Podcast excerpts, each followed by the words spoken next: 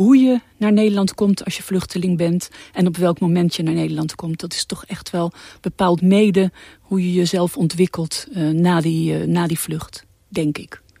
Als je bij wijze van spreken op het vliegtuig stapt bij A en je stapt uit uh, op Schiphol, dan kan dat uh, anders zijn dan wanneer je onderweg eerst in een ander land woont waar je eigenlijk niet gewenst bent. Uh, dat je op een plek woont waar je gevaar hebt gelopen of dat je onderweg op zee of in de woestijn grote gevaren hebt meegemaakt.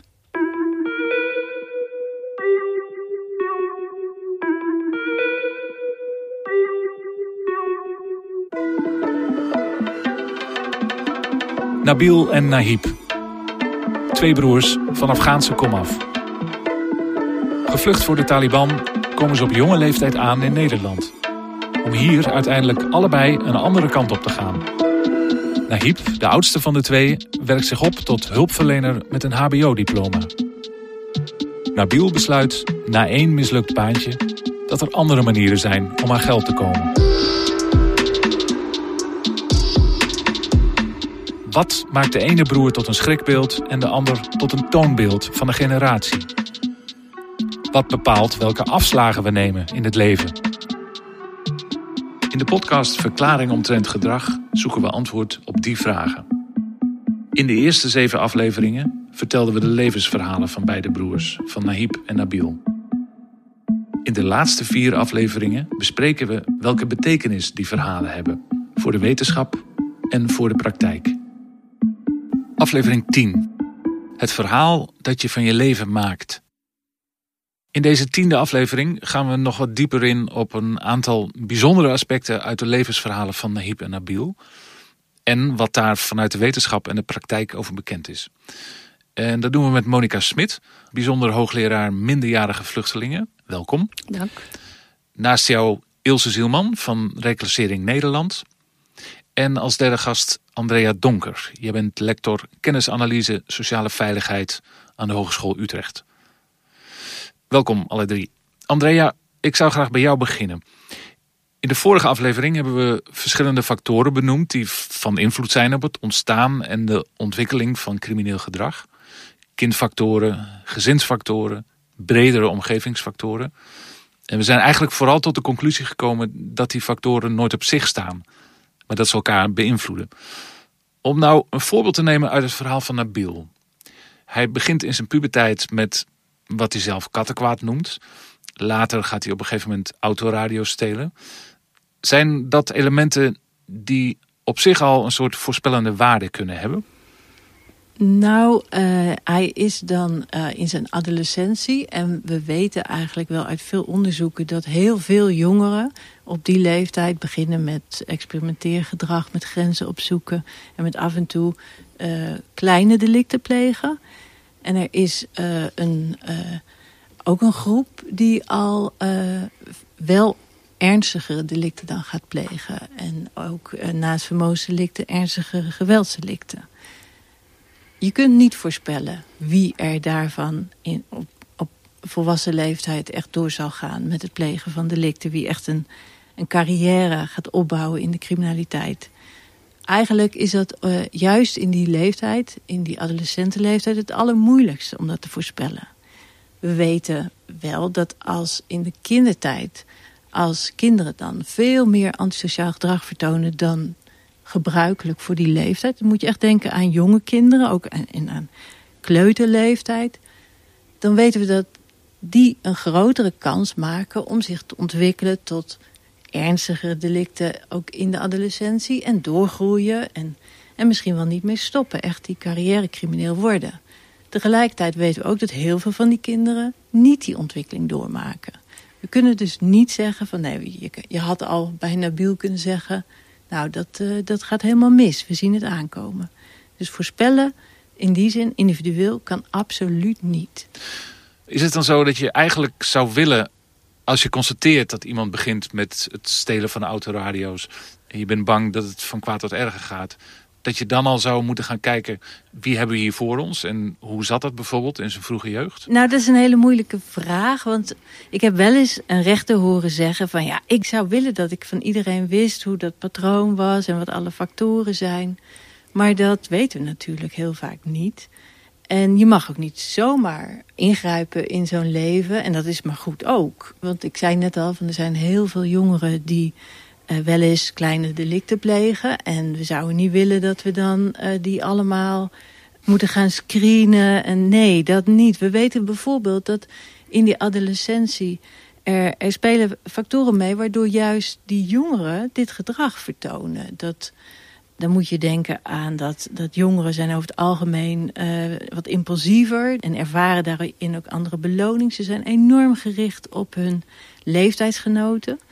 En veel meer eigenlijk dan wat dan ook. Dus de groepsdruk die ze kunnen ervaren en een delict die ze in een groep kunnen plegen... die zouden ze nooit in hun eentje hebben gedaan. Dus daar moet je allemaal rekening mee houden... als je kijkt nou juist naar jongeren die delicten plegen een eigenlijk een heel erg mooi voorbeeld van hoe groepsdruk ook positief kan uitwerken... is wat we in dit verhaal nou gezien hebben in de uh, justitiële jeugdinrichting... waar Nabil eigenlijk zich ontpopt tot een soort van positief rolmodel... voor de, de andere jongens daar op de groep... Uh, die die stimuleert om ook een opleiding te gaan volgen... en ook naar buiten te gaan en na te denken over de toekomst en wat ze nodig hebben. En, en dat wordt ook verteld door die, uh, door die medewerkers daar hoezeer dat positief uitpakte... en dat er op een gegeven moment haast niemand meer binnen zat... maar iedereen echt aan het werk was aan zijn toekomst. Hij heeft ze eigenlijk een beetje op sleeptouw genomen. Hij heeft ze op sleeptouw genomen. En in dit verhaal krijgen we ook nog te horen... hoe voor Nahib het ook uitwerkte dat hij voor zijn broer niet onder wilde doen. Die groepsdruk kan dus ook positief uitpakken. Een van de factoren in het leven van Nabil die in de podcast specifiek naar voren komt. Waar we het hier nog niet zo uitgebreid over hebben gehad... is het feit dat hij weliswaar met zijn gezin... maar op heel jonge leeftijd is gevlucht. Monika Smit, hoe weeg je zo'n factor mee? Hoe, hoe wordt daar tegen aangekeken? Nou, ook daarvan is het heel lastig om te zeggen van hoe, hoe pakt zoiets uit. Dat uh, verschilt ook per uh, individu. Uh, wat, je, wat wel heel belangrijk is om te weten wanneer je met dit soort jongeren te maken krijgt, is dat ehm, er wordt niet voor niks gevlucht. Vaak is de situatie in het land van herkomst heel zwaar geweest. Dan komt er een vlucht. Nou, we weten allemaal dat dat onder vaak erbarmelijke omstandigheden gebeurt. En dan kom je aan in Nederland en dan ben je nog niet uh, zeker van je zaak. Want dan moet je afwachten of je wel of niet een verblijfsvergunning krijgt. Uh, maar wat dus wel opvalt, ook bij de verhalen die hier aan bod kwamen... dat uh, het verschillend uitpakt. Voor de ene broer pakt het anders uit dan voor de ander. En wat daar een rol in zou kunnen spelen... is dat uh, er verschil is in mate van stabiliteit die je hebt... voor en tijdens je vlucht. de hechting die anders verloopt. Dat zijn factoren die zeker een rol spelen. En dan verder toch ook wat het uitmaakt hoe je naar Nederland komt als je vluchteling bent. En op welk moment je naar Nederland komt. Dat is toch echt wel bepaald mede hoe je jezelf ontwikkelt uh, na, die, uh, na die vlucht, denk ik. En met hoe je komt bedoel je hoe de mate van, of hoe traumatisch zo'n reis is geweest? Ja, precies. Ja. wat, wat het voortraject is geweest. Als je bij wijze van spreken op het vliegtuig stapt bij A en je stapt uit uh, op Schiphol, dan kan dat uh, anders zijn dan wanneer je onderweg eerst in een ander land uh, woont waar je eigenlijk niet gewenst bent. dat je op een plek woont waar je gevaar hebt gelopen of dat je onderweg op zee of in de woestijn grote gevaren hebt meegemaakt. En hoe weeg je dat dan mee in je bejegening naar jongeren toe? Ik denk dat het heel erg belangrijk is om je te realiseren wat mensen meegemaakt kunnen hebben. Dat je dat, je dat uh, als achtergrondinformatie hebt. Uh, en verder uh, dat je dus ook weet dat het per jongere verschillend uitpakt. Er zijn uh, gevluchte kinderen die zwaar getraumatiseerd zijn. en er zijn ook kinderen die, en jongeren die daar redelijk ongeschonden uitkomen. Wat overigens heel erg opvalt is dat over het algemeen het niet leidt tot uh, probleemgedrag, maar eerder tot psychosociale problematiek. Meer naar binnen gekeerd. Angsten. Depressies, uh, ja. ja. Ja, en wat verder heel erg belangrijk is, ook dat je weet uh, hoe te communiceren met jongeren uit andere culturen. En ik denk dat de meeste hulpverleners wel het verschil weten tussen een ik-cultuur en een wij-cultuur. Maar uh, het is, daar kan je ook van alles over lezen. Maar wat het allerbelangrijkste toch wel blijft is om goed te kijken naar de figuur die je voor je hebt. Je kan, je kan niet uit boeken leren hoe je met deze jongeren op dit moment om moet gaan. maak bijvoorbeeld niet de fout om heel intercultureel te gaan communiceren met een jongere jongere die hartstikke verwesterd is en die zich net zo gedraagt als de gemiddelde Nederlandse jongere, bijvoorbeeld. Ik kan me trouwens ook nog voorstellen, want we hebben het natuurlijk uitgebreid gehad over hoe verschillende factoren die risico kunnen vormen in de ontwikkeling op elkaar inwerken. Dus dat betekent, neem ik aan, ook dat iemand met een andere culturele achtergrond voor bepaalde factoren ontvankelijker is of minder ontvankelijk is. Of in ieder geval dat die interactie tussen die factoren anders is als je uit een andere cultuur komt. Ik denk zeker dat dat het geval is. Omdat bijvoorbeeld uh, alleen al de relatie met ouders en de zeggenschap die ouders hebben... dat verschilt uh, tussen culturen. Dus dat zal zeker invloed hebben. Ongetwijfeld. En wat je trouwens in deze uh, verhalen ook heel mooi ziet... dat er ook dingen zijn die vrij algemeen zijn. Namelijk het belang van, uh, als dat enigszins kan, het betrekken van ouders bij hulpverlening. En dat pakt in dit geval van deze jongens heel mooi uit. Uh, je hoort ook duidelijk uh, in de verhalen van de hulpverleners dat ze dat bijzonder vinden. Zij zijn niet, duidelijk niet gewend dat ze te maken hebben met ouders die zo goed willen en zo goed kunnen meewerken in het, ja, eigenlijk in het hulpverleningsproces van hun zoon. Ilse Zielman, Jij werkt bij Reclassering Nederland. Jullie adviseren het OM, de rechtbank, het gevangeniswezen. Jullie houden toezicht en je begeleidt bij werkstraffen. Deze ja, cocktail aan factoren eigenlijk, die we nu uitvoerig besproken hebben. De factoren die ten grondslag kunnen liggen aan crimineel gedrag bij jongeren. Hoe diep is de kennis daarover gezaaid binnen de reclassering? Nou ja, volgens mij is het elke casus is uniek. En je moet elke keer weer moeite doen om diegene tegenover je te willen begrijpen, te willen duiden wat hij zegt. En vanuit oprechte interesse en zonder aannames te kijken, uh, wat is er bij jou aan de hand? Um, volgens mij is het vooral van belang om de cliënt mee te laten praten. En als je het hebt over die verschillende factoren die een rol kunnen spelen... ja, de cliënt is de deskundige over zichzelf. En wij kunnen daar vanuit de wetenschappelijke kennis bepaalde waarden aan hangen... en het beter proberen te duiden. Maar hij weet uh, ook hoe hij zelf aan elkaar zit. Dus je kunt niet om, om de cliënt en zijn eigen deskundigheid over zichzelf... Uh, kun je niet omheen. Denk je dat elke cliënt zelf weet hoe hij in elkaar zit? Ik nee. denk dat dat ook niet altijd zo is. Nee, vast niet. Weggestopte problematiek. Uh, ja. Nee, dat zal niet. Maar je kunt niet, niet aan hem voorbij gaan. Nee, natuurlijk niet. Nee. dus, je moet daar de informatie halen. Nou ja, en ook wel, en dat weet hij alles zelf. En kan hij alles zelf duiden of kan hij op zichzelf reflecteren? Nou, dat is natuurlijk zeker niet het geval. Nee. Maar daar zit ook een belang van bijvoorbeeld zo'n netwerk bevragen... of andere uh, professionals bevragen die met hem te maken heeft. En ook daar je informatie vandaan halen. Ja. Je kunt niet alleen maar varen op misschien informatie van de cliënt... of op jouw eigen, dat wat je ziet of wat er gebeurt in het gesprek. Maar je zult ook daar uh, breder... Uh, moeten ja. kijken en bevragen. Ik denk ook altijd het verhaal dat je van je eigen leven maakt... doen wij natuurlijk net zo goed. Hè? Zonder dat we precies kunnen aanwijzen... welke factoren bij ons nou van belang waren in de ontwikkeling. En dat, dat, dat het verhaal dat je graag maakt van jezelf... dat dat ook ja, belangrijk is om mee te nemen... als een soort vertrekpunt misschien. Of dat je daar iets uit kan leren. Ja, en er zijn natuurlijk wel ook... Um uh, iemand heeft ook wel een beeld over misschien wat hij wat zou willen zijn of worden. Of misschien wat ze niet meer willen. Maar dat dus... is juist heel lastig. Als je, dat niet, als je niet weet waar je naartoe zou kunnen werken. Ik heb wel eens begrepen dat heel vaak... als je nogal een delinquent verloop hebt gehad... dan, en, en zeker omdat het vaak over jongeren gaat... en die zitten toch al in dat proces van ontdekken... wie ben je nou ja. eigenlijk en wat ga je doen in het leven... dat het extra lastig is om te bedenken en dat is nog weer extra lastig voor gevluchte jongeren... waarbij vaak die ontwikkeling een tijd lang stil heeft gestaan... noodgedwongen, op de vlucht zijn. Uh, uh, en dan uh, aankomen en onzekerheid over je toekomstperspectief. Dus dat is dan extra moeilijk om na te kunnen denken... over ja. wat er hierna komt.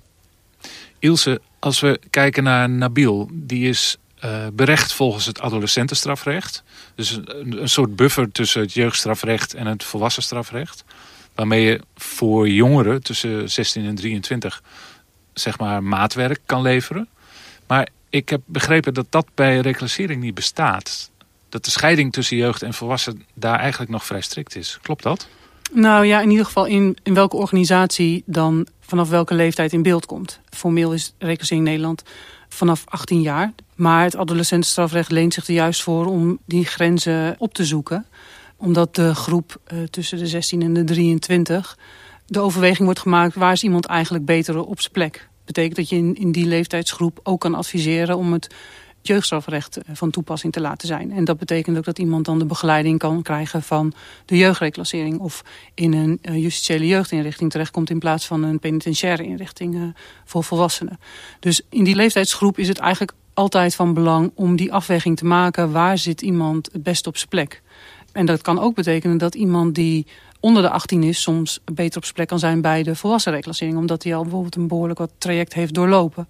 Andersom geeft het ook de mogelijkheid om jongeren die wat achterlopen in ontwikkeling door, door wat voor omstandigheden dan ook op een volwassen leeftijd nog onder de jeugdreclassering kunnen vallen en daar een wat meer pedagogische aanpak uh, krijgen. Dus uh, dat maakt dat er juist in die groep waar de ontwikkeling uh, nog hè, zo kan verschillen er heel veel maatwerk kan worden geboden in wat past nou het best bij de verdachte of daden die we voor ons hebben. Mm Welke aanpak past het best, welke interventies passen het best.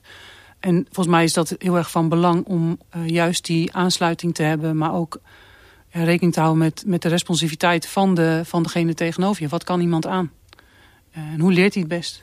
Wat moet ik me voorstellen bij responsiviteit? Responsiviteit is een van de de wat werkprincipes, ook wel R&R-principes. R&R? R&R, dat staat voor Risk, Need, Responsivity. Dat is eigenlijk uit een hele hoop onderzoek is er gekeken naar de psychologie van het criminele gedrag. En wat je dan daar vooral uit leert, is dat het uh, heel belangrijk is dat we aansluiten bij het risiconiveau. Dus dat je niet super heftig inzet met een interventie of met een straf bij relatief klein kattenkwaad. Dat kan averechts uitpakken namelijk. Dus dat is ook eh, in, op meerdere opzichten heel stom om te doen. Het niets-principe gaat erover dat het heel belangrijk is dat we het inzetten op die factoren die het meeste kunnen veranderen, het meeste bijdragen aan het delict, die het meeste relevant zijn om, um, om in te zetten en nog beïnvloedbaar zijn. Waarbij ook wordt gekeken naar bijvoorbeeld de beschermingsfactoren die er zijn. Dat je die ook meeneemt. En die derde is dus de responsiviteit. Dat de manier waarop je dat doet, dat moet je op zo'n manier doen... dat het ook echt aansluit bij iemand. En dat het in het tempo gaat. Wat past bij iemand. En in de taal die past als je Bijvoorbeeld als er sprake is van een lichtverstandelijke beperking. Maar dat kan ook, denk ik, culturele sensitiviteit zijn. Dat je daar rekening mee houdt. Naarmate je dat responsiever doet, zul je meer effect hebben. En zo zijn er nog meer principes. Uh, bijvoorbeeld professionaliteit. De mate waarin we effectief zijn met het systeem uh, wordt versterkt naarmate de mensen die dat systeem uitvoeren professioneler zijn meer de kans krijgen om die professionaliteit te ontwikkelen en in te zetten.